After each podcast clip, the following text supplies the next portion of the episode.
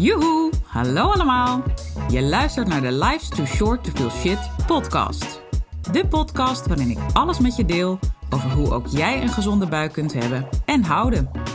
Mijn naam is Denise Boon en ik ben orthomoleculair darmspecialist voor ondernemers. Hoe hou je de dierentuin in je buik onder controle, zodat jij de regie hebt over je buik en je alles uit je leven kunt halen wat je wil? Zoals knallen met je business, met energie voor 10. Ik neem je mee op reis, want let's face it, life's too short to feel shit. Yes, leuk dat je weer luistert naar de Life's Too Short to Feel Shit podcast met aflevering 45 alweer. Daarin gaan we het hebben over boeren na het eten en een rommelende buik, waar dat vandaan kan komen. Dit was input van luisteraar Suus, die mij via Insta DM een berichtje stuurde uh, met deze specifieke vraag. En er ook bij aangaf, misschien is het iets wat voor meerdere luisteraars interessant is en waar je een aflevering over op kan nemen. Nou, dat kan ik zeker, Suus. Dus dankjewel voor jouw vraag. En eigenlijk wordt dit een hele korte aflevering. Misschien denk je nu, oh, ik ging er net lekker voor zitten en um, hoezo wordt deze kort? Want um, dit legt heel erg een link met aflevering 23 die ik heb opgenomen, waarin we het hebben over een maagzuurtekort. Hoe zit dat? Sowieso, luister die aflevering, want een maagzuurtekort is echt een wolf in schaapskleren. En een van de symptomen waar je aan kunt merken dat je een maagzuurtekort hebt, is dat je gaat boeren. Dat kan zijn rondom een maaltijd, meestal tijdens of daarna. Uh, maar het kan ook zijn tussen maaltijden door. Bijvoorbeeld nadat je koffie hebt gedronken. Dus dat is ook nog even een belangrijke uh, noot om mee te nemen. En hoe zit dat nou? Hè? Waarom is dat nou zo'n belangrijk symptoom daarvan? Het zit zo. Je hebt in je maag dat maagzuur zitten en dat moet op een bepaalde nou ja, concentratie zitten. Een bepaalde hoeveelheid moet daarin zitten om alle taken die die maag te doen heeft goed te kunnen uitvoeren. Een van de taken is je voedsel verteren. Het is zo zuur dat het echt letterlijk meteen al kleiner wordt als het daar in die maag aankomt. Tweede is natuurlijk die dierentuin die we de hele dag door ook binnenkrijgen. Je gaat even naar de supermarkt, zit aan um, winkel, winkelmandje, überhaupt producten die je uit het schap pakt. Zit aan je neus en voor je het weet zit er al een hele beestenbende erbij. Klinkt heel vies, is misschien ook zo, maar dit is nou eenmaal hoe het, hoe het werkt. En we dragen ook echt allemaal dierentuin bij ons. En dat is dus heel gezond. Alleen willen we niet dat die gaat ontsporen en dat lekkere exoten buiten de deur blijven. Um, maar anyway, dat maagzuur moet dus ook echt die dierentuin die dus binnenkomt dagelijks buiten de deur houden. Dus echt al ter plekke afdoden. Nou, derde belangrijke um, uh, functie van maagzuur is vitamine B12 beter doen opnemen via het aanmaken van het stofje intrinsieke factor. Daarover meer in aflevering 23. En überhaupt in een aantal andere afleveringen haak ik ook vaak nog even in op maagzuur en deze uh, functies. Maar uh, nu hebben we het over boeren en waarom dat nou zo'n symptoom daarvan is, hè, van zo'n maagzuurtekort. Als, uh, laten we gewoon maar even gewoon uh, eten zelf nemen. Want dat was volgens mij ook haar vraag van Suus. Van hè, na het eten dan juist boeren. Uh, hoe zit dat? Nou, dat eten komt dus in die maag. Dus als het eenmaal in die maag zit, dan kun je even voorstellen, zeker voor de visueel ingestelde onder ons, dat eten plenst zo in, uh, ik wilde zeggen dat water, maar dat klopt niet helemaal, in dat maagzuur. Uh, maar dan zie je even in ieder geval het liquid voor je. Het wordt er lekker vol in die maag. Je maag kan trouwens tot wel vijf keer zijn oorspronkelijke formaat oprekken. Ongelooflijk. Maakt ook dat we vaak niet op tijd voelen dat we voldaan zijn. Dat is even een ander puntje. Uh, maar goed, dus dat eten dat stapelt zich daarop. Dat wordt omgeven eigenlijk door maagzuur. En als er voldoende maagzuur in de maag zit, dan uh, op een gegeven moment is de boel vol. Hè? En is de rek er letterlijk uit. En krijg je ook het signaal: voldoende, verzadigingshormoon wordt aangemaakt en we kunnen stoppen met eten. Duurt meestal gemiddeld zo'n minuut of twintig. Uh, kan dus ook langer duren als je een maagzuurtekort hebt. Dus dat is ook nog even een puntje. Maar uh, anyway, we zitten even in het visuele stuk. Hè? Nou, op het moment dat je dus minder maagzuur in, hè, dat er minder maagzuur in die maag zit, komt nog steeds allemaal eten binnen. Maar het maagzuur wat er zit, ja, dat wordt eigenlijk niet daaromheen hè, omgeven. Dat eten wordt niet omgeven door maagzuur, maar zit er als het ware, ligt het er bovenop. En uh, er komt ook steeds van alles uh, aan zuurstof mee. Dat lijf in. Hè? Met name natuurlijk die maag in, via die slokdarm. Want we eten eigenlijk allemaal een beetje te gehaast. En we kauwen ook niet zo goed. En we kletsen ook nog tijdens het eten. Dus het is één grote doorslikking, binnenhaling van zuurstof. Allemaal prima, want dat lijf kan best wel wat hebben. Maar als er dus te weinig maagzuur in die maag zit en er zit eten bij, ja, dan wordt het een beetje druk daar in die maag.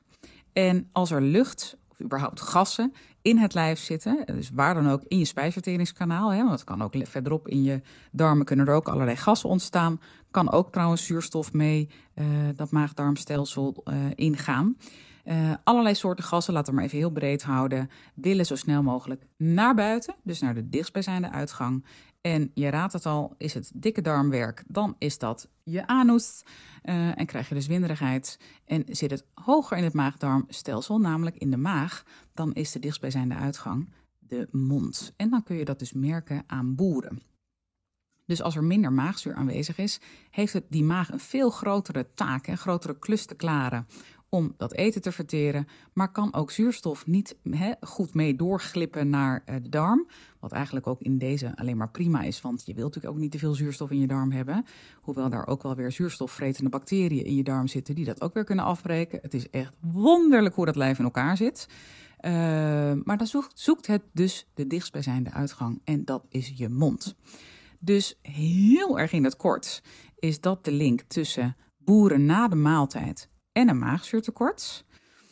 Wat er allemaal bij een maagzuurtekort nog meer een rol speelt en gevolgen daarvan zijn, kun je dus echt beluisteren in aflevering 23. Um, en heb je een maagzuurtekort, dan kun je dat ook bijvoorbeeld merken aan dat je al snel een vol gevoel hebt. En dat je ook het idee hebt, ik reageer op bepaalde voeding, maar dat is dus niet per se voeding.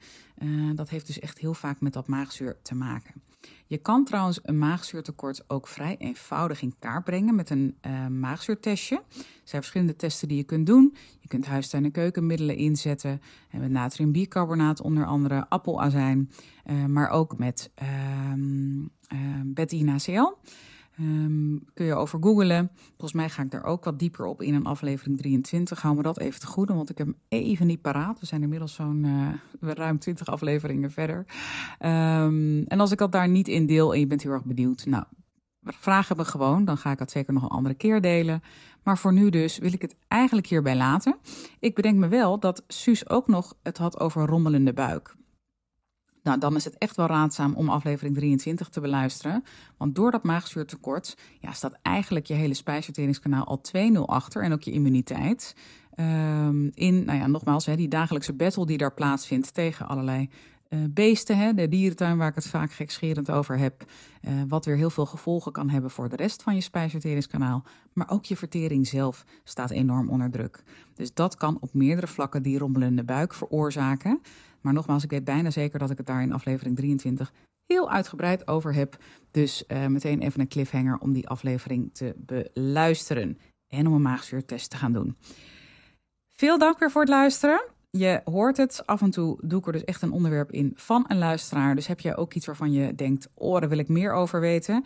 Of uh, ik heb er wel eens wat over gelezen, maar ik wil weten hoe Denise erover denkt. Of wat haar ervaring is. Of met mijn hè, aparte uh, draai die ik aan dingen geef wat ook maar je beweegreden is. Stuur het naar me op.